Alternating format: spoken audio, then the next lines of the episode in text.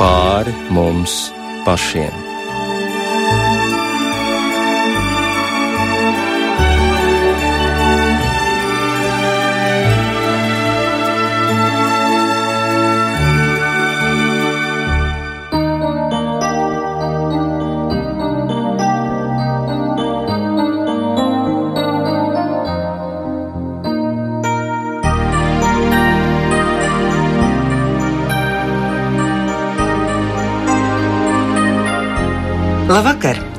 Šajā stundā skan raidījums pāri mums pašiem. Ar jums runā Rīta Brunēvica.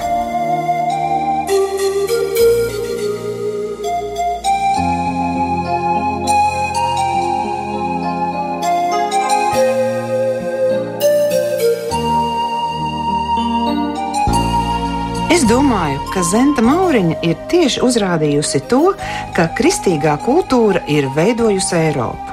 Un, ja mēs piederam pie Eiropas, tad es domāju, arī latvieša identitāte, kristīgā kultūra ir veidojusi. Un pilnīgi neatkarīgi no tā, vai kāds personiski uzskata sevi par kristieti vai nē, tas ir pilnīgi nesvarīgi. Objektīvi tas ir fakts. Tā norādīja Egils Levits, satversmes preambulas projekta autors, jurists un politologs, laikrakstam Diena 2013. gadā, kad preambula tika gatavota. Un tā mūsu satversmes ievadā ir ierakstīts teikums. Latvijas identitāte Eiropas kultūra telpā kopš senlaikiem veido latviešu un lībiešu tradīcijas, latviskā dzīves ziņa, latviešu valoda, vispār cilvēciskās un kristīgās vērtības. Pašlaik Latvijā kristīgās izglītības iestādes nosaukumu nes aptuveni 20 iestādes, no kurām vairums ir draugu vai biedrību dibinātas. Tās ir pirmsskolas, vispārējās un speciālās skolas. Kādas ir kristīgās izglītības iespējas mūsdienu Latvijā? Ko paredz Latvijas likumi kristīgās mācības īstenošanā? Un kāds būtu labākais modelis kristīgās izglītības iestādē? Meklēsim atbildus uz šiem jautājumiem kopā ar studijas viesiem. Raidījumā piedalās juriste un politiķe Inga Bitte. Labvakar! Labvakar! Rīgas katoļu ģimnāzijas direktore Anna Jermakoviča. Labvakar! Un Valmieras pamatskolas universuma direktors Andis Apsīts. Labvakar! Tātad, kā jau minēju, kristīgā izglītība mūsu valstī tiek uzskatīta par vērtību, un tas pat ir apstiprināts ar likumu. Kur jūs personīgi saskatāt tās svarīgumu? Es varu droši vien runāt šajā brīdī kā mamma, jo man kā mammai ir svarīgi tas, kādā pasaulē dzīvos mani bērni. Un te ir divas daļas. Viens ir, kāda izaugs mani bērni paši, un otrs ir, kas ir tā sabiedrība, ar ko viņi saskarsies. Tāpēc man kā cilvēkam jau šīs sabiedrības loceklim ir ļoti svarīgi, lai ne tikai maniem bērniem, bet visiem Latvijas bērniem un arī ne tikai Latvijas bērniem viņu izglītības un viņu dzīves pamatā būtu vērtības. Un, ja mēs runājam par tādām vērtībām kā savstarpēja cieņa, kā savstarpējā palīdzība, spēja dot, nevis tikai ņemt, taisnīgums, likumība, kas noteikti ir plašāk par uh, tīri seksuālām attiecībām, kas ir darba tikums, kas ir arī šī pati cieņa, tad um, nonākot tādā pilnīgi sekulārā un ateistiskā vidē un diskutējot par šīm vērtībām, mēs nevaram tikt pie rezultāta jo mums nav atskaites punkta, mums nav pamata pret ko atspērties, mums nav pie kā pieturēties. Un kāpēc man būtu jāciena otrs cilvēks, nu, ja viņš ir tieši tāds pats kā es, varbūt, ka es varu ņemt tikai sev un, un dzīvot tā, ka viss ir tikai man un pēc manis kaut vai ūdens plūdi. Un tāda diskusija var būt, un esmu daudzās tādās piedalījusies, ka trūkst šī atskaites punkta, trūkst šī atspēriena punkta, un tāpēc es redzu Bībeli un kristīgās vērtības kā tās, kas ir pāri laikiem, kas ir izturējuši laika pārbaudi, un tas ir ļoti svarīgi, jo mēs ļoti daudz ideoloģijas un ļoti daudz visādas jaunas lietas redzam, kuras nav izturējušas laika pārbaudi, un tikai pēc kaut kāda laika mēs saprotam, ka mm, īsti labi tas tomēr nebija un mēs redzam to rezultātu un saprotam, ka nebija labi. Tātad kristietība ir tā, kas ir izturējusi šo laiku pārbaudi, un eh, tā ir tā, kas eh, ir apvienojusi ārkārtīgi daudz cilvēkus. Un eh, trešā lieta - kristietība nesludina karu. Kristietība necīnās ne pret vienu citu, kristietība iesaista sevi, aicina uz glābšanu, aicina uz pestīšanu, aicina pievienoties um, gan jūdus, gan uh, vispārējos. Um, tā ir iekļaujoša, tā ir toleranta, visi šie vārdi, kas ir šobrīd mums tik populāri, tie ir kristietībā iekšā. Jā, kristietība aicina pārveidot pasauli caur mīlestību. Neviens cits ierocis nav tik varens kā mīlestība. Un pirmā mīlestība, protams, kas mūs pirmais ir mīlējis, tas ir Dievs. Un uh, Inga teica par to cilvēku cieņu. Kas tad ir tā cieņa, ko es redzu otrā? Tas ir tas bezgalīgi skaistais Dieva attēls otrā. Un, kad tu to ieraugi, tad tu saproti, viņš ir tā cienīgs. Viņš nes sevī to. Un uh, tā kā mūsu gimnāzijā, var teikt, vecāki ir izvēlējušies šo vidi, kurā viņi atpazīst tās vērtības, ko arī Inga minēja. Es teikšu, ne visi mums ir kristieši, gan bērni, gan vecāki, bet viņiem ir kopīgs šis skatījums uz pasauli. Tad vismaz šī nelielā drošā vide, kurā citiem cilvēkiem tāds pats skatījums uz uh, sabiedrības dzīvi, uz vērtībām, un uh, viņi vēlas, lai viņu bērnos tas pats, kas tiek mācīts ģimenē, būtu arī skolā. Tā ir liela vērtība, ka gimnāzija jau 26 gadi, un var teikt, ka ir arī vecāki, kas kādreiz bijuši skolēni un atgriežas šajā vidē. Nav nekas ekstraordinārs. Ir divreiz nedēļā ticības mācība. Mēs visi zinām paušus, mēs visi zinām sakramentus, bet ne jau tas padara cilvēku vairāk vai mazāk kristīgu bet tieši tās savstarpējās attiecības. Un, eh, ja skolā var izveidot tādu ģimenisku vidi, kur sākot no sētnieka un beidzot līdz kapelānam vai direktorei, visiem ir vienāds pasaules skatījums, vienāda eh, vērtību sistēma. Tas bērns redz robežas, un viņš redz arī perspektīvu. Un nav labāks skolotāja kā piemērs. Nemācīja ar vārdiem, māca ar dzīvesveidu. Un kristietība tā nav filozofija, mēs visi zinām. Tas ir mans pārliecības, mans dzīvesveids. Es dzīvoju attiecībās ar savu radītāju, ar Dievu. Un to nevar noslēpt, to nevar nospēlēt, vai nu tas ir, vai nav. Un tikai caur šo pozitīvo piemēru, tad arī mēs vadām savus bērnus. Un, ja vecāki ir pateicīgi, tas nozīmē, ka viņi atpazīst. Un pats galvenais ir nesalauzt bērnu. Ja mājās Piedodiet, es atcerēšos savu bērnību, kad mājās bija viena mācība, kristīga, un vidē, skolas vidē bija mums 25. partijas kongress. Tas bērnu lauž. Cik laimīgi mēs esam šodien, mēs to pat nenovērtējam. Mēs tur gaužamies, kad mums nav sabiedrībā vienots viedoklis, bet es esmu priecīgi par to, ka ir iespēja, kad var pastāvēt kristīgās skolas, ka tas ir atzīts un ka tas ir mums arī ar likumdošanu noteikts, ka savu kristīgo pārliecību tu vari izdzīvot. Jā, tas tiešām ir svarīgi, ka to, ko māca ģimenē, tas pats arī Jā. turpinās tālāk skolā. Andi, kāds ir tavs viedoklis par to, cik kristīgā izglītība, mācība ir kā vērtība mūsdienās? Mm. Nu jā, mēs redzam šodien, ka izglītības sistēma ir pārmaiņu grožos, un līdz ar to Šobrīd ir tāds laiks, kur ir tiešām svarīgi kristiešiem arī aktīvi iesaistīties visās reformās, kas notiek izglītības sistēmā. Un uh, sasumēt mazliet arī to, ko teica iepriekšējās runātājas. Es gribu teikt, ka tiešām mums jāskatās stipri atpakaļ uz to, kas jau reiz ir mūsu tautā bijis. Un arī es, kā kristīgas skolas direktors tieši no Valmieras, uh, gribu uzsvērt to, ka mūsu vēsturē ir gandrīz simts gadu posms pēc Ziemeļu kara, kad uh, garīgā atmoda tieši caur izglītību un sasaistīt cieši ar izglītību atnesa milzīgas pārmaiņas mūsu zemē un faktiski nodrošināja ceļu nacionālajai atmodei, kas rezultējās vēlāk mūsu valsts dibināšanā. Tas gan notika sajaucoties atkal kopā savā ziņā pagāniskiem spēkiem un kristīgām vērtībām, un tieši tāpēc es domāju, ka šodien tas vērtību pamats ir dalīts. Bet bija laiks, un tieši arī vidzemē, lielvidzemē, kā tajā laikā sauc, kad cēlās pirmā inteliģence, kad cēlās, teiksim, tā pirmie latviešu līderi, izteikti, kas rakstīja, kas sevi izpauda, kas sāka runāt arī par to, ka latvieši ir kā tauta. Tas viss notika garīgās atmodas rezultātā, grēku nožēlas rezultātā. Un eh, šo vēstures posmu nevar pārvērtēt, jo mēs nevaram projicēt, kāda būtu bijusi Latvija šodien, vai vispār Latvija būtu bijusi, ja nebūtu bijis šīs garīgās atmodas. Tāpēc šodien es teiktu, tā man ir dalītas jūtas ar to. Es uh, priecājos par to, ka ir iespējas un tā ir svētība, bet vienlaicīgi mums arī jāatzīst, ka šī zeme tomēr ir diezgan piepildīta ar elku pielūgsmu.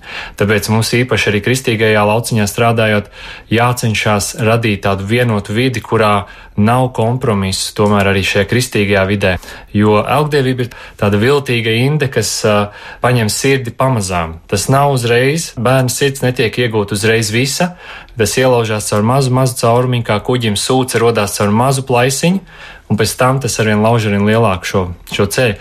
Tāpēc mums ir jābūt gan pateicīgiem par šo iespēju, gan ļoti precīziem un uzmanīgiem darot šo darbu kristīgajā jomā, lai mūsu tas darbs būtu ilgspējīgs, lai tas tiešām nestu ilgstošus augļus.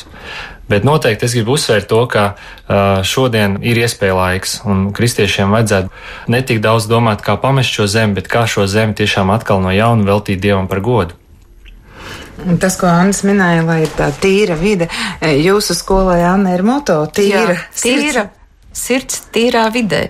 Un ne tikai skolas moto tas ir, mums ir arī radio raidījums. Mums ir tāda laime, ka blakus sēkā skolai ir radio arī Latvija telpas. Un katru pirmdienu, pulkstens 16. jūs varat dzirdēt šo mūsu skolēnu gatavoto raidījumu tīra sirds tīrā vidē. Un, jā, skolēni tieši par to domā. Ja viņi ir šie kristieši ar savu skatījumu, kā viņiem šodienas pasaulē izturēties, vai viņiem arī jāievēl veselīgs dzīvesveids, ko tas nozīmē kristietim, vai tur sekot līdz kādai modei, kas ir depresija, jauniešu vidē izplatīta depresija, pašnāvības idejas, kas tas ir. Un tad viņi uzaicina psihologus, sabiedrībā prominentus cilvēkus un jautā. Un līdzīgi kā mēs pašlaik sēžam radio studijā, tāpat arī radio Marija Latvija studijā, viņi paši vada, paši jautā un veido rētījumu. Un, diemžēl jāsaka, ka kristīgās izglītības iestādes Latvijā ar katru gadu samazinās. Arī šogad divas eh, iestādes mm. tiek slēgtas. Tas jau, protams, saistīts ar kopējo situāciju valstī, kad eh, arvien mazāk paliek skolēnu un bērnu skaits līdz ar to Latvijā. Bet tomēr Tomēr izglītības likumi paredz, ka mēs varam veidot kristīgās mācību iestādes, un es domāju, tas noteikti ir jādara. Bet ko tieši mēs šajā lauciņā varam darīt, to Inga vislabāk varēs pastāstīt. Jā, nu droši vien tad sanāk man nokļūt pamazām līdz tādai specifiskai lietai, bet um, tas, ar ko es gribu sākt, ir, ka vecāki mēs esam atbildīgi par saviem bērniem, un mēs esam atbildīgi par saviem bērniem arī skolas laikā. Jo varbūt brīžiem ir tāda sajūta, ka mēs atdosim to bērnu skolā, un tad tas skolotājs. Un, ja mēs mēs redzam arī skolotāju piketu, kur skolotājiem pēkšņi visa sabiedrība, nu, jāsaka, pārmet par to, ka viņi tur kaut ko nav padomājuši līdz galam, un droši vien tā ir taisnība. Bet um, skolotājs nebūs tas ideāls, vai pareizāk mēs nevaram atdot savu bērnu audzināšanā skolotājiem. Kaut gan bez šaubām skolotājs ļoti daudz ieliek mūsu bērnus, jo tas ir ļoti liels laiks, ko mūsu bērni tur pavada. Un līdz ar to atgriežoties pie tā, ka mēs esam joprojām atbildīgi par saviem bērniem, mēs izvēlamies kādā vidē, vai tā būs tīra vide, kurā mēs šo bērnu tīro sirsniņu sūtīsim un ieliksim. Un tās iespējas, kas ir, protams, mums ir pašvaldību nodrošināts un garantētas skolas, kurās mēs varam prasīt, lai būtu kristīgā mācība, Jā, jo sākuma skolā vecāki var izvēlēties kristīgo mācību vai ētiku, un tā ir pat pirmā lieta, kur mēs sakam, mēs gribam kristīgo mācību. Nevis, ai, nu labi, būs jau labi arī ar to ētiku, nu tur jau tas pats tajos pašos pamatos ir, nu gan jau būs labi. Bet, ka mēs ejam un sakam, mēs esam kristieši, mēs gribam, lai tur būtu kristīgā mācība. Ienāk skolās Helovīns un tam līdzīgas svinēšanas, mēs eh, varam teikt, es nelaidīšu savu bērnu tajā dienā uz skolu. Un tas, protams, ir izcinājums kaut kādos brīžos un situācijās, bet mēs varam iet un teikt, teikt, draugi mīļie, vai, vai mēs uzskatām savus bērnus par mošķiem? Vai tas ir tas, ko mēs gribam, lai viņi izdzīvo, vai tas ir tas tēls, kurā mēs gribam, lai viņi iejūtās, un likt arī citiem vecākiem padomāt par to? Tas ir tāds viens solis, ko mēs varam darīt, esot tajā vidē, nu, kurā varbūt kaut kāda apstākļa dēļ mēs esam spiesti būt, taču ir arī citas iespējas, un daudz vecāki izvēlās vai nu sūtīt savus bērnus tiešām kristīgās skolās, kur mēs nonākam līdz finanšu jautājumam, jo kristīgas skolas ir privātas skolas, un tāpēc šīs izmaksas ir dārgākas, un daļa no tām ir jāsadz vecākiem. Un te ir jāsaka, ka 12. saima pieņēma grozījums izglītības likumā, kur paredzēja, ka pašvaldībai arī ir pienākums līdzfinansēt arī privātās skolas, tad nauda seko bērnam arī uz privātām skolām. Un šobrīd šie grozījumi ir apdraudēti, jo pašreiz ministrija virza iniciatīvu šos grozījumus atcelt. Ir jāsaprot, jā, ka pašvaldības ir iebildušas, jo pašvaldības, protams, negrib šo, šo likumu īstenot, un uz šo te iebildumu pamata ministrija grib atcelt šos grozījumus, un tā ir viena lieta, ko mēs varam katrs vecāks ļoti aktīvi darīt. Mēs varam teikt, mums tas ir svarīgi. Mums ir svarīgi, ka pašvaldība nevis to naudu, kas ir paredzēta manam bērna izglītībai, novirz savai skolai, kurā mans bērns vispār neiet, bet ka tā nauda, kas paredzēta manam bērna izglītībai, arī nonāk mana bērna izglītībā tur, kur mans bērns mācās un izglītojās. Nākamais vecāki var vienoties kopā un veidot pašu savus skolas, šīs biedrība dibinātās skolas, kur noteikti Annis varēs pastāstīt vairāk, un vecāki var mācīt savus bērnus arī mājmācībā. Tas ir tas, ko Latvijā likums atļauj. Un um, būsim pateicīgi Dievam par to, ka šī iespēja ir, jo tāda nav visā Eiropas Savienībā. Un nākamais būsim aktīvi tajā un aktīvi arī teikt, ka tam tā ir jāpaliek. Jo šīs ir lietas, kuras ik pa laikam saņem uzbrukumus. Un um, jāsaka tā, Rint sāk ar citātu no satversmes par mūsu identitāti, un man bija iespēja, es esmu ļoti pateicīga Dievam par to būt klāt arī šajā procesā, kur satversmes preambula tika rakstīta. Un jāsaka, protams, ka pieminēt kristīgās vērtības mūsdienu sabiedrībā ir tā šaubīgi. Jo liekas, nu kādam tas noteikti nepatiks, un kāds noteikti pārmetīs, ka tur kaut kas tāds parādās. Un jāsaka, arī šajā preambulas rakstīšanas posmā, par cik tur bija daudz partijas un daudz politiķu, kuriem bija savā starpā jāvienojās, ienāca tādas šaubas. Vai tiešām vajag? Nu, mēs paturēsim prātā tās kristīgās vērtības, bet viņas tā konkrēti tur neierakstīsim. Varbūt tā būs labāk, tad neviens mums nepārmetīs, taču ir sabiedrībā arī tādi, kas neuzskata sevi par kristiešiem cilvēku un tā. Un tad bija ļoti svarīgi, ka bija kādi kristieši, kuri par to iestājās. Tad, kad atnāca šaubas, bija kristieši, kuriem bija tas pamats, pret ko atspērties, un kuri varēja pateikt, nē, tas ir svarīgi, tas ir vajadzīgs, tas ir mūsu identitātes pamats, un tajā saka paldies arī konfesiju vadītājiem, kuri iesaistījās un runāja ar politiķiem. Tajā brīdī, kad ienāk šaubas, ir svarīgi, ka mēs neklusējam, ir svarīgi, ka mēs sakam un paužam to savu viedokli, jo mēs esam sabiedrības daļa, Vēl viens arguments, ko ļoti bieži dzird, jā, bet baznīca ir šķirta no valsts, vai valsts ir šķirta no baznīcas. Jā, ja mēs runājam par baznīcu, bet valsts nav šķirta no kristiešiem, jo kristieši ir šīs valsts pilsoņi un veido šo valsti. Andi, pastāst, kā tad tavā skolā, kā tā tika izveidot, jo Inga te pieminēja, ka var vecāki sanākt kopā, izveidot kādu biedrību, un, un tad uz tā pamata arī top jauna skola, kā tapa tava skola. Tas ir interesants stāsts, un noteikti, ka pēc tā bija ļoti vienota cilvēku grupa, kas bija draudze, un kas vispirms noteikti iestājās garīgi par šo procesu, praktiski tika atjaunota ēka, un uh, katrs pielika savu roku. Ne tikai tās ģimenes, kurās bija bērni un ir bērni, bet arī tie, kas ir jau gados pensionāri un tam līdzīgi. Tas bija ļoti nesautīgs darbs. Un uh, tieši mūsu gadījumā arī no šīs uh, draudzes vienotības izveidojās tālāk vajadzība pēc citas juridiskas formas, šī gadījumā biedrības, kuru pie dibināšanas mēs ieraudzījām kā visdraudzīgāko formu, lai attīstītu skolu, jo reliģiskām organizācijām tomēr ir savi ierobežojumi, kuri, varētu teikt, tā uzliek kādus rāmjus dažādos projektos un pašvaldību konkursos un tam līdzīgi. Tāpēc mūsu gadījumā tā ir biedrība universum, un uh, mazliet pakomentēt vēl uz atpakaļ, kāpēc šī lejupslīde, kāpēc tas, ka tomēr mēs skatāmies, jā, sarūk tas skaits. Protams, sarūk vispārējais izglītības iestāžu skaits. Vispār iestāžu skaits Latvijā sarūk. Ir šīs demogrāfijas problēmas, un uh, mēs redzam, ka iedzīvotāju skaits sarūk diezgan strauji. Kādi par to satrauc, kādi nē. Bet uh, arī uz šo proporciju aptuveni 700 skolas un tikai cik rinda tu minēji ap 20 vai pat Jā. ne, nedaudz jau mazāk, jau pavisam mazāk, kopā. Kāds 18 šobrīd. Tas, tas ir ļoti, ļoti maz. Šie 20 pret 700, uh, ja mēs ņemam vērā, ka nu, Latvijā aptuveni 70% cilvēku sevi sauc par kristiešiem vai sauc par piederīgiem pie kādām baznīcām. Ja mēs vērotu šo kristiešu aktivitāti, mums vajadzētu redzēt to, ka attiecīgi cik daudz šo cilvēku, tik daudz tādu kristīgu skolu, tik daudz pareizticīgu kristīgu skolu, tik daudz katoļu kristīgu skolu, tik daudz baptistu, vasarsvēku, adventistu un tā tālāk. Bet mēs šo lietu neredzam. Tur ir kāds noslēpums. Bībelē ir viens princips. Svēts nozīmē nošķirts tam kungam. Tātad, lai Dievs kādu darbu īpaši svētītu, tur jābūt īpašai vienotībai un svētumam ir jābūt šim atslēgas vārdam. Bet mēs redzam, ka diemžēl šī pazīme norāda uz to, ka arī kristietība ir piepildīta ar elkiem, kas atņem spēku šai kristietībai. Tas ir kā sāls, kas ir ar piemaisījumiem. Un tāpēc šajā cīņā, kas ir par nākamo paudzi, neizdodas to ilgstoši izturēt. Ja mēs paskatāmies ziņās, ir ļoti daudz mēģinājumu dibināt kristīgas skolas, ļoti daudz. Paskatoties pāri visai Latvijai, pie šiem 20 esošajiem ir vēl vismaz 20 vai 30 mēģinājumi, un ir daudz skolas, kas arī 90. gados bija dibināts, bet nu jau tagad ir slēgts. Tātad es gribētu uzlikt to uzsvaru, ka, uh, lai kristīga skola ne tikai varētu pastāvēt, bet attīstītos un augtais, tai jābūt svētai, šķīstai, dievam patīkamai sadraudzībai, draudzēji, kas cīnās garīgi par šo procesu. Jo mēs saprotam, kā kristieši, ka cīņa nenotiek pret miesu un asinīm, bet pret valdībām un varām, kas ir šīs pasaules spēki, un ir pretinieki spēki, kas negrib, lai nākamā paudze dzirdētu dievu vārdu un lai viņi būtu mācīti Dieva ceļos.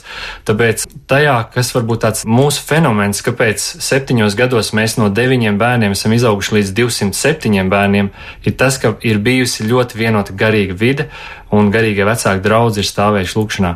Jēzus vārdi, Elles vārdiem nebūs uzvarēt draudzi, tieši to arī nozīmē. Ka vienīgā garīgā apsardzība ir ja aiz šīs skolas, tieši kristīgās skolas vai izglītības iestādes stāv lūdzoša, svēta, šķīsta, ne ar elkiem piepildīta draudz. Tā ir vienīgā garantija. Pārējais viss ir, varētu teikt, tā uz laiku un ar tendenci uz lejupslīdi. Diemžēl mēs to redzam. Kristietība Latvijā šobrīd uh, slīd uz leju kopumā, ja mēs skatāmies skaitļos un pārējā. Tāpēc mums ir ļoti daudz darba. Inga, Anna, Rinta, mums ir ļoti daudz darba, tāpēc es aicinu, atlocīsim rokas, šķīstīsim savus dzīves un kalposim Dievam un aicināsim citus pievienoties šim darbam. Jā, man patīk tā perspektīva, tur deviņi bērni un tagad 200. Tik liela izaugsme mums nav, pirms četriem gadiem 114, tad 140, 160, šogad 204. Un 30 bērni mums ir arī mājmācībā, un 60 bērni bērnu dārzā. Mēs nevaram teikt, ka mums būtu, nu, turpat 300 bērni. Es domāju, skaits ir pietiekami liels, un, un arī mums ir pateicība Dievam, ka mums blakus ir mazās Terēzijas no bērnu Jēzus draudze, un vēl blakus ir mums svētīgā Boleslavas Loskāna muzejs. Var teikt, mums ir tāds uh, garīgs izglītības centrs, un turpat, kā jau es minēju, arī rādio arī Latvija. Bez uh, šī rādio, bez muzeja, bez draudzes atbalsta arī skola nepastāvētu. Protams, pirmsākums ir pateicība kardinālam viņa eminencei Jānim Pujātam, kur 92. gadā bija tā vēlme, viņš visu mūžu bija vēlējies, lai būtu kristīga vidusskola, un tātad šis garīgais nodoms un garīgā izglītība, un lai arī būtu garīgam semināram topošie studenti, tapa šī skola, un lūk, pateicība Dievam, 26 gadi, un bērnu skaits auga bet ļoti man patīk, jā, ka tā ir tā draudze. Vecāki nāk no draudzes, viņi bērnu sūta skolā, viņi atbalsta. Un tas, ko Inga teica, kāpēc ir tik maz to skolu? Protams, vecāks atbalsta, cik viņš var. Protams, nauda seko nedaudz no pašvaldības, vairāk no valsts, bet tās nav visas izmaksas. Mēs varbūt te absolūtos skaļos nesauksim, bet trešdaļu dod vecāki, trešdaļu dod izglītības zinātnes ministrija naudu seko skolēnam, un mūsu gadījumā trešdaļu sedz kurie konkrēti arhibīskaps, tātad baznīca. Un, eh, ja citās Eiropas valstīs ir trīs veidu skolas - privātās skolas, valsts skolas un baznīcas skolas, tad Latvijas gadījumā tāda fenomena kā baznīcas skola nav. Mēs tiekam pielīdzināti privātu skolai, pelnošai biznesa videi, kas mēs pilnīgi neesam. Mēs esam pilnīgi kaut kas cits. Un tur, man liekas, mums likumdošanā ir iztrūkums, kad uh, mēs neredzam šo realitāti kā padomju laikā mēs neredzējām, ka ir brīvības piemineklis, mēs gājām garām, nav nekāda pieminekļa, vispār nav.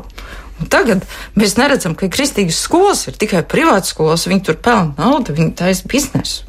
Tā nav realitāte. Izglītība vispār nevarētu šodien teikt tā kopumā Latvijā saukt par biznesa vidi, un vienīgi atsevišķi dažas Rīgas skolas, kurām varbūt ir šī iedzīvotāja. Jā, kuras ir, ir koncentrējušās uz noteiktu grupu, viņi varētu, teiksim, to saukt par biznesu. Pagājušajā nedēļā tika nosvinēta Purīm svētki, un tas ir ļoti zīmīgi, ka Purīm svētku nozīme, kas ir aprakstīta Esteras grāmatā, ļoti pravietiski runā par to, ka šī cīņa, ka dieva vārds un priesterība kā tāda vienmēr būs zem uzbrukuma. Jūdu tauta bija zem nāves sprieduma, Hamana personā bija mērķis iznīcināt veselu tautu, kura bija priesteri tauta, kurai bija jānes dieva vārds cilvēcei. Un šodien šis Esteras un Mordehai brīnums iesaku visiem izlasīt šo stāstu Esteras grāmatā atkārtojas no jauna un no jauna. Mēs redzam to, ka šodien arī kristietība kopumā un kristīgā izglītība Latvijā ļoti līdzīgā situācijā. Ja nebūs uzticīga Mordehai, kur stāv ar stingru mugurkaulu par vērtībām, par šo patieso vēstures interpretāciju, ja nebūs tās drosmīgās esteres, tā jaunā paudze, kas ņems to lāpu un ies ar to rokās uz priekšu un droši darīs to darbu, tad uh, viena paudze var pilnībā nomainīt vērtības. Ir tikai viena paudze vajadzīga. Un šī laikā vēl ātrāk. Tāpēc mums ļoti svarīgi, lai mēs tiešām iet un darīt. Un, un paldies Dievam par Ingu, kas tiešām arī tajā politiskajā vidē pamanās to ķīli iespiest un neļaut tās durvis aizvērt. Ja mēs mazliet paturpinām to stāstu, Ester riskē ar dzīvību. Tas, ar ko mēs riskējam šobrīd, ir reputācija, tas, ka kādam kaut kas nepatiks, tas, ka kāds mūs izsmies, Nu, varbūt kādreiz kāds uz ielas iesitīs, bet nu diez vai. Patiesībā mēs īsti neko neriskējam, ja mēs ejam un paužam tās vērtības. Mums tikai šķiet, ka tas būs briesmīgi, ja kāds man nesapratīs, bet tāpēc mums ir Dievs, un tāpēc mums ir Bībele, un tāpēc mums ir atkal, man jāsaka, tas atspērienu punkts, pie kā atspērties un kur smelties spēku, lai varētu iet un darīt. Jā, un kā jau Inga sākumā jūs teicāt, mēs esam laimīgi, ka mēs varam veidot šādas kristīgās skolas, un visās valstīs Eiropā nemaz tāda iespēja nav, un kur nu vēl visā plašajā pasaulē. Kāda, Andi, ir jūsu skolas sadarbība ar pašvaldībām? mazliet jau Anna pieskārās tai mājmācības jomai, un tieši caur mājmācības jomu, kur mums ļoti plaši attīstīt, mums ir sadarbība ar vairāk nekā 30 pašvaldībām, un uh, kopumā es varu teikt tā, ja ņemam skaitļos, aptuveni trešā daļa no pašvaldībām saprot, ka privātā izglītība būtu jālīdzfinansē, un savā ziņā ir tāda pozitīva tendence manām, ka arvien vairāk pašvaldību pieslienās tam, ka privātā izglītība ir jālīdzfinansē. Cits jautājums, kādā apmērā un pēc kādiem principiem ļoti dažādi ir šie noteikumi un, un šī lēmuma pieņemšanas kārtība. Citi laiž to jautājumu, kā teikt, caur domas sēdi, citi jau komitejās tos lēmumus pieņem. Tā kā Tas viss ir diezgan liela brīvība pašvaldībām, bet es gribētu teikt, ka savā ziņā šī sapratne pieaug. Varētu vēlēties ātrāk, tomēr tikai viena trešā daļa šobrīd to dara. Es domāju, kāpēc viņi tomēr to ir apjautuši. Nu, kas ir izglītības galvenmērķis? Labs cilvēks. Mūsu skolēni paši ir nonākuši līdz tam, ka skola dod ne tikai izglītību, viņi dod kaut ko vairāk par izglītību. Tā tad veido raksturu. Darba devējs, ko viņš meklē? Vispirms cilvēku, pēc viņa rakstura, pēc viņa tikumiem, pēc viņa prasmēm. Pēc tam ir tās iemaņas, kas ir darbā, un pēc tam tikai viņš skatās zināšanas. Bet ko mūsu skola dara? Vispirms ir zināšana, centralizēto eksāmenu rezultāti, tad no tā kompetenci pieeja, vai viņš māki izveidot kaut ko, nu, tad kaut kur pieskarsimies tiem tikumiem vai raksturu iezīmēm, vai viņš tur ir drosmīgs, vai viņš ir taisnīgs, vai viņš ir godīgs. Tas mums ir pēdējā vietā. Mums viss ir apgriezts ar kājām gaisā. Tas ir tas lielākais izaicinājums, man liekas, pašlaik pie tās arī kompetenci pieejas, paskatīties, kas tad ir izglītības uzdevums. Un tad skola kļūst par vidi, kurā mēs izdzīvojam, atkal šīs te pieminētās jau uh, dažādas apsaukāšanās, izsmiešanas, mm. tādas lietas, par ko mēs ļoti daudz dzirdam, un kas noved pa tos jauniešus līdz pašnāvībai. To mēs turpinam sociālajos tīklos pēc tam, tad mēs to turpinam internetu komentāros, un tad jau mēs ejam uz ielas, un tādā pašā veidā mēs izturamies pret cilvēkiem un viens pret otru, un, un tad mēs uh, ejam jau tālāk uz uh, politisko arēnu, kas varbūt man ir savā ziņā tuvāka, ja, un, un, un turpinam, turpinam arī tur savā starpā apsaukāt izsmēties viens otru necienīt un skatīties, kurš, kurš kuram varētu uzkāpt uz galvas, nevis kā mēs kopā varētu sasniegt kādu kopīgu mērķi. Bija labs Samsung konkurss par neetiķeti. Tas ir net ir tīkls un etiķete sociālajos tīklos. Kāpēc es zinu, jo mums ir audiovizuālā komunikācija un jaunieši paši izteica vēlmi piedalīties šajā konkursā un izveidot video sīžetu par to, kādai jābūt etiķetei sociālajos tīklos, un ļoti daudz skolas veidoja šos video, un tiešām tas ir pašlaik sastāpējis jautājums, jo viņi ne tik daudz tiešām apsaukājas vai kaut kā tiešā veidā skolā to dara, mhm. bet tieši sociālajos tīklos. Un kad mēs redzam, ka tas cilvēks ir vērtība arī tur, ka tu to nevari izdarīt, tas mhm. pārkāpj kaut kam pāri tevī. Tu nevari otru iznīcināt. Jo, jo no vienas puses tas, ir tā uztvere, jā. ja, ka es neuztveru to, ko es visu, ko es ieraugu internetā kā baltu patiesību, jā. bet no otras puses ir tas mans, kāpēc man vajag kaut ko tādu vispār rakstīt, kāpēc cilvēkam vajag šīs savas negācijas mm. izgāzt kaut kur publiskā vidē, turklāt pret otru cilvēku. Un tās ir tās vērtības. Es gribu piebilst šeit, ka patiesībā mums, kristiešiem, ir atbildes uz ļoti svarīgiem bērnu audzināšanas mm -hmm. jautājumiem, un mums arī bija neliela aptauja, ko mēs veicām arī tādās brīvās sarunās ar vecākiem, kas mācās pie mums, mūsu gan bērngārzā, gan skoliņā, gan mūzikas skolā. Un, jā, mums eh, tāds viens no faktoriem, kas piesaista varbūt nekristīgas ģimenes vai ne ļoti konfesionāls, aktīvs ģimenes, ir tas, ka mums ir Montesori metode. Un tas ir tāds ļoti motivējošs eh, moments, kur šī metode tiešām daudz atved pie mums. Bet tad, kad es runāju ar vecākiem par to, kas tad vēl jūs interesē un kas varbūt tā dziļāk jūs interesē, tad ļoti interesanti, ka tā pamazām atklājās, kāda tad ir tā kristīgā audzināšana, kur ir tie noslēpumi, kā kristīgas ģimenes var izaudzināt krietnus cilvēkus. Un tad es ieraudzīju, ka varbūt kādos gadījumos pat ne tā Montesori metode tik daudz kā pietuvināties īstiem dzīviem kristiešiem, kuri praktizē savu ticību un kuriem ir reāli labi rezultāti.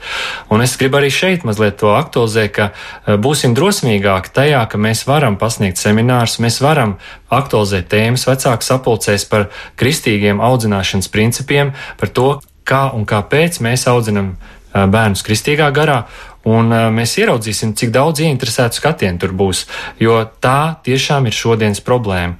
Aizņemtie darbā vecāki bieži vien nejūt savus bērnus un nejūt, kā tās problēmas ielaužas viņu namos. Un tad, kad jau ir par vēlu, tad bieži vien, kad tās krīzes ir jārisina, tad tas skatiens arī bieži vien ir uz tiem, kuri zina, kā to darīt. Un mēs, kristieši, varam dot šīs atbildes. Tāpēc gribu iedrošināt draugus un kristīgo skolu darbinieks un skolotājs ne tikai būt aktīviem savā ikdienas darbā, bet uh, arī iet uz āru un rīkot semināru. Savu skanējumu turpina raidījums pāri mums pašiem. Šovakar studijā ir Rīgas katoļu ģimnāzijas direktora Anna Jermakoviča, juriste un politiķe Inga Bite un Valmieras pamatskolas universuma direktors Andis Apsītis. Mēs domājam par to, Kādas ir kristīgās izglītības iespējas Latvijā, ko paredz Latvijas likumi kristīgās mācības īstenošanā un kāds būtu labākais modelis kristīgās izglītības iestādēji? Tātad mēs jau šeit pieminējām likumus. Es domāju, ka kristīgās audzināšanas principos pamatā ir šī likumības ievirze. Un ko paredz mūsu izglītības likumdošana tieši šajā jomā?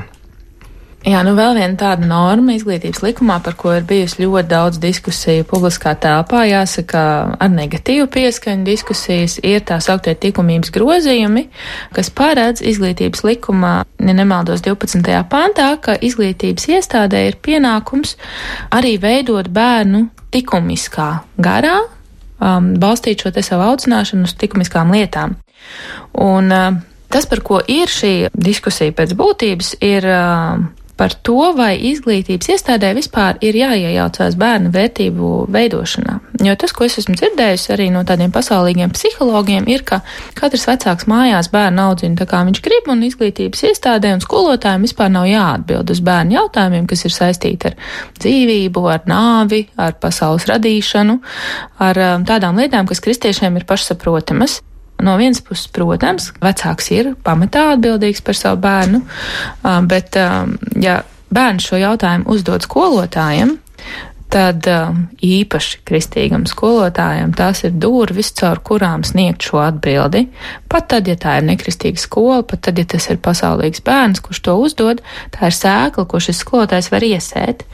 Otrs Šī norma bija saistīta arī tajā skaitā ar um, dažādu nevēlamu saturu skolās. Un, jā, ja mēs iesim atpakaļ uz tām diskusijām, kas bija šo normu radot, tad bija runa arī par seksuālo izglītību skolās un par to, ka bērniem pārāk ātri tiek dotas atbildes uz jautājumiem, kurus viņi nemaz neuzdod. Jo viena lieta ir par to, ka mēs atbildam bērniem uz viņu jautājumiem, piemēram, no kurienes es rados, un kā tas tā bija, ka es nokļuvu māmas vēderā. Un tie ir viņu jautājumi, uz kuriem viņi saņem vecumam atbilstošas atbildes. Bet, ja mēs ejam un mācām pamatskolā vilkt prezervatīvus bērnam, kuram tas vispār nav vēl aktuāli un kurš neuzdod šos jautājumus, tad tas ir viņam traumējoši. Un tāpēc šī norma pēc būtības paredz, ka vecāku padome var pieņemt lēmumu par to, ko ielaist un ko neielaist skolās. Un tad mēs atkal atgriežamies pie tā, ka mums vecākiem, kā vecākiem, ir jābūt aktīviem. Pirmkārt, lai interesētos par to, kur mūsu bērnus kāds plāno vest, kādā ekskursijā, mācību ekskursijā tik brīnišķīgas, mums dažādas iespējas un muzeji, un viņas tiešām ir brīnišķīgas, bet ir arī lietas, kuras varbūt bērniem nevajadzētu redzēt.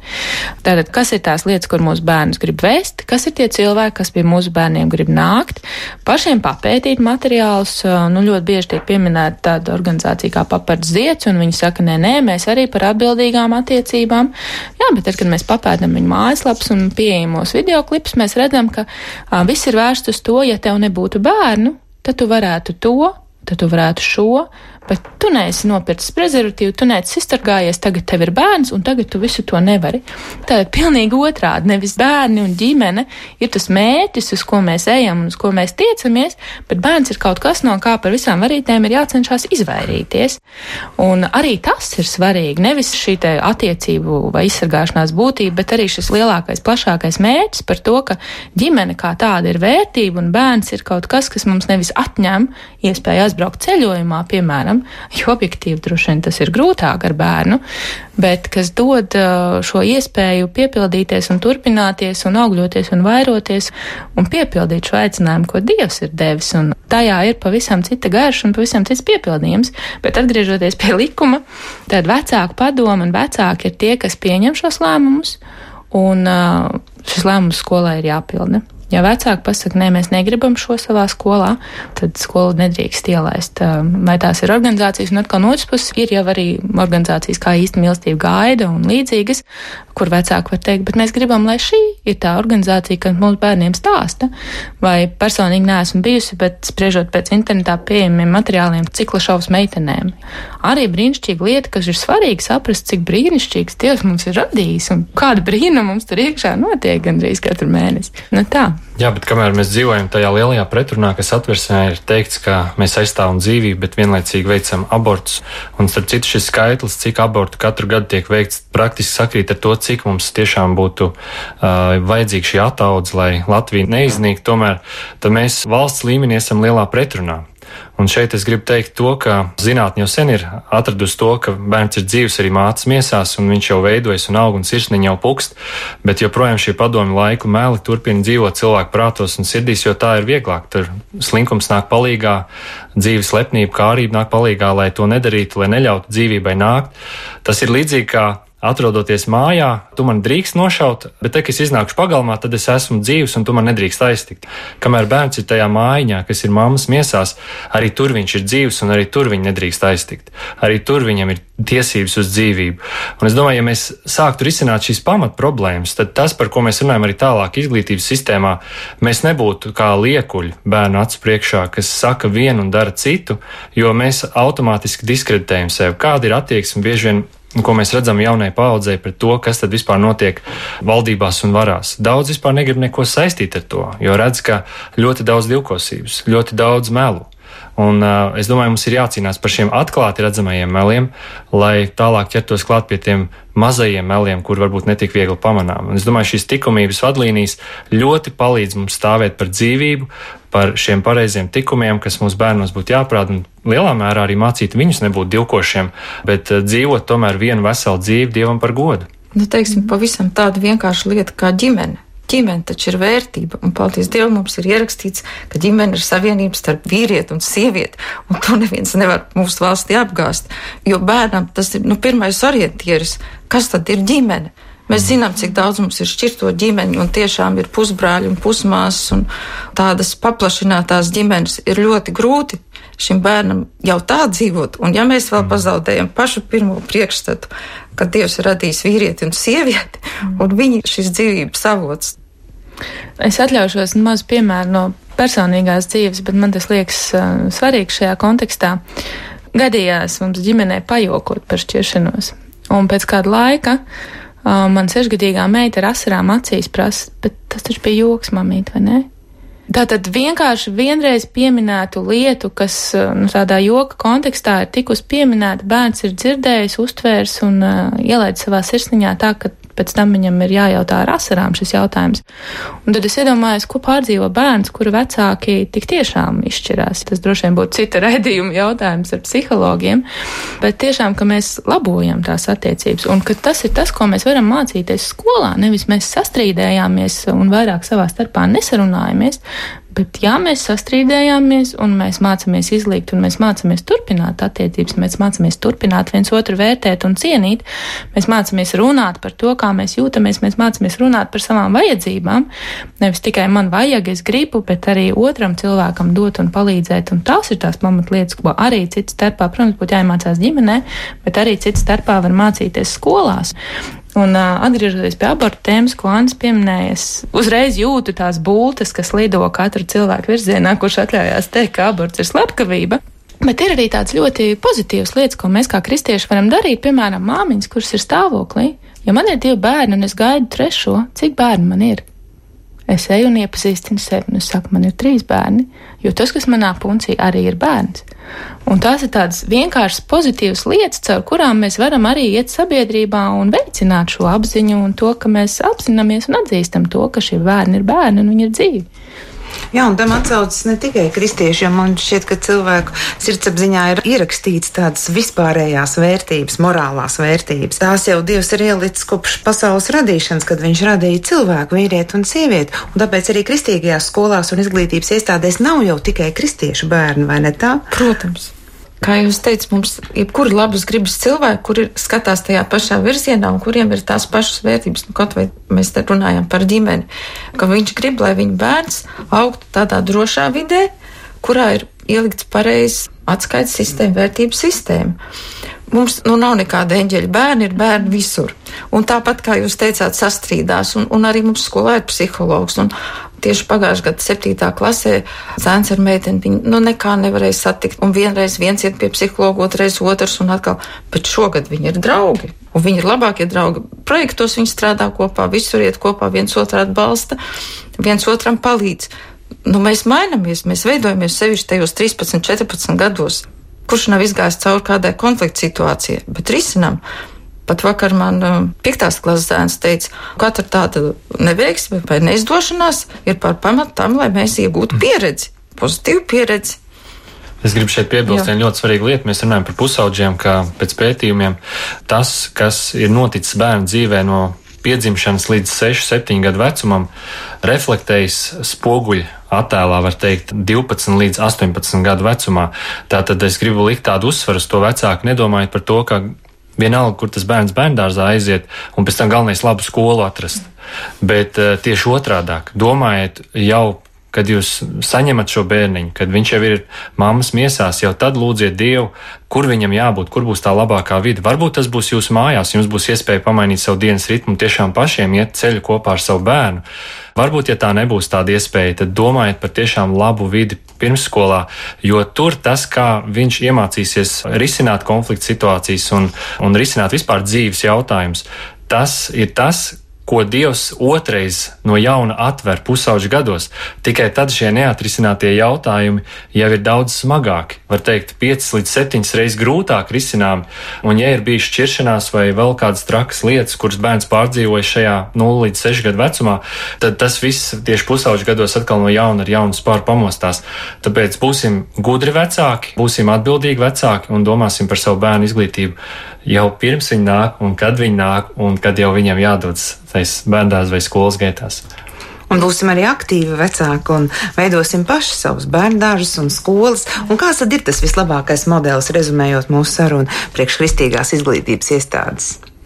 Es nezinu, vai viens labākais modelis. Šeit es domāju, ir trīs varianti. Laikam. Jā, es esmu priecīga par to, ka ir šie dažādie modeļi pieejami, un tie ir objektīvi. Viens vecāks, nu, viņš varbūt ir uzņēmējs, viņam ir uzņēmēja aicinājums, viņš pelna naudu, un viņš nevar ieguldīt tik daudz laika, piemēram, bērnu skolas dzīvē, bet viņš var samaksāt par šo skolu. Un tad ir brīnišķīgi, ka ir skola, kurā viņš var aiziet un samaksāt un saņemt šo kristīgo izglītību. Cits vecāks nevarēs tik daudz samaksāt, bet viņš būs gatavs ieguldīt pats savos bērnos. Viņam būs talants, aicinājums, spēja mācīt savu bērnu mājās, un brīnišķīgi, ka viņš to var darīt un būt kopā ar savu bērnu. Un viņam ir pacietība to darīt, un, un tas sanāk mierīgi un harmoniski. Un tā ir brīnišķīga iespēja citām ģimenēm. Un vēl citas varbūt ir kaut kur pa vidu šīm abām, nu, negribas viņus saukt pa galējībām, bet šiem abiem modeļiem pa vidu, un tad viņš var ieguldīt gan savu finansiālo atbalstu, finansiāli līdzieguldīt, gan arī, gan arī savu laiku, lai būtu šajā skolā, lai būtu aktīvs tajā, iespējams arī bērniem kaut ko iemācītu, jā, atkal mums bērnu dārzā bērni mācās par pasauli, un tad vecāki iet un stāsta par zemēm, kurās viņi ir bijuši, un tas ir brīnišķīgi. Tas nav varbūt pilns laiks, bet tas ir kaut kāds viens brīdis, kurā tas ir iespējams, un tas arī ir ļoti skaisti, manuprāt.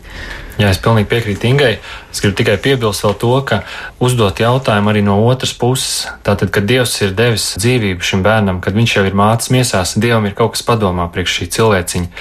Un, ja šī lūkšana vecākam būtu tāda sirsnīga, karsta, Dievs palīdz man sagatavot manu bērnu tam, kas viņam no tevis ir paredzēts, tad Dievs pietuvinās vai nu līdzīgi domājošus cilvēkus, vai nu radīs iespējas mums apkārt tiešām veidot savus izglītības iestādes tāds. Viņš pietuvinās to, kas būs kā atbild šai lūkšanai.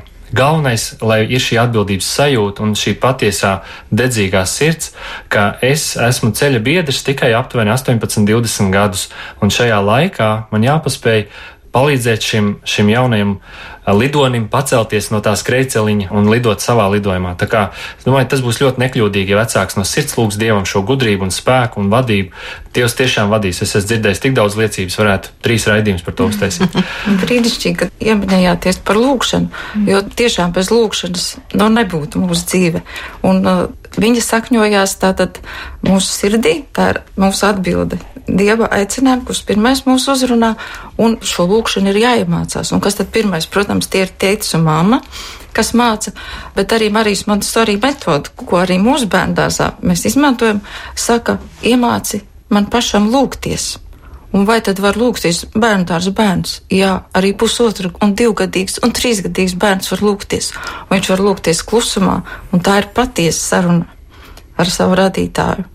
Es domāju, ka vislabāk, ja jūs atrodat kristīgu bērnu dārzu, jo nevarat. Pirmā man prioritāte ir mājmācība, kaut arī es esmu ģimnāzijas direktora, bet man visvairāk simpatizē mājmācība, jo tad bērns ir ģimenē tajā īstajā vidē, kur viņam jāveidojas.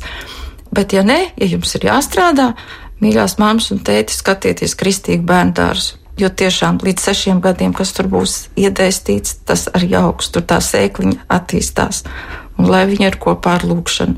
Jā, lūkšana ir ļoti būtiska mūsu uh mhm. -huh. ikdienas sastāvdaļa. Un lūksim no Dieva gudrību, tiešām kā vadīt savu dzīvi un savu bērnu dzīvi. Un viņš to noteikti dos, jo viņš ir apsolījis atbildēt uz mūsu lūkšanām. Izskan raidījums pāri mums pašiem. Šovakar studijā bija jurista un politiķa Inga Bitte, Paldies. Rīgas katoļu ģimnāzijas direktore Anna Jermakoviča paldies. un Valmieras pamatskolas universuma direktors Andis Apsītis. Es jums saku paldies! Raidījumu vadīja Rīta Pružēvica ar labvakar!